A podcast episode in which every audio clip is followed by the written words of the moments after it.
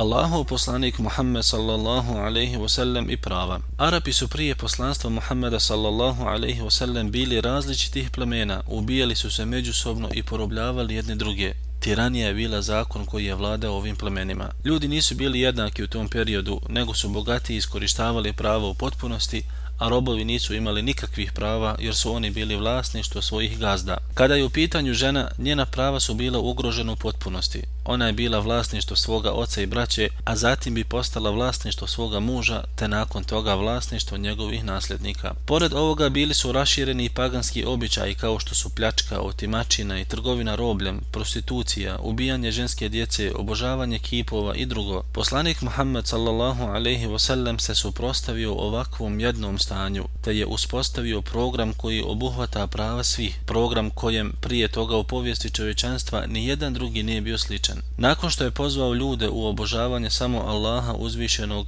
počeo je sa uspostavljanjem jednakosti među ljudima te je pojasnio prava čovjeka i ostalih živih bića u svim životnim sferama. Prava čovjeka, a i druga prava u islamu se odlikuju po tome što su to prava koja su postavljena od strane Allaha uzvišenog, pa zato niko od ljudi ne može da ih ukine, niti može da ih izbjegne. To su također uravnotežena prava koja se međusobno ne potiskaju. To su prava koja obuhvataju sva doba čovjekovog života, bilo da se radi o djetetu u utrobi, dječaku, mladiću, odraslom, starijem, zdravom ili bolesnom.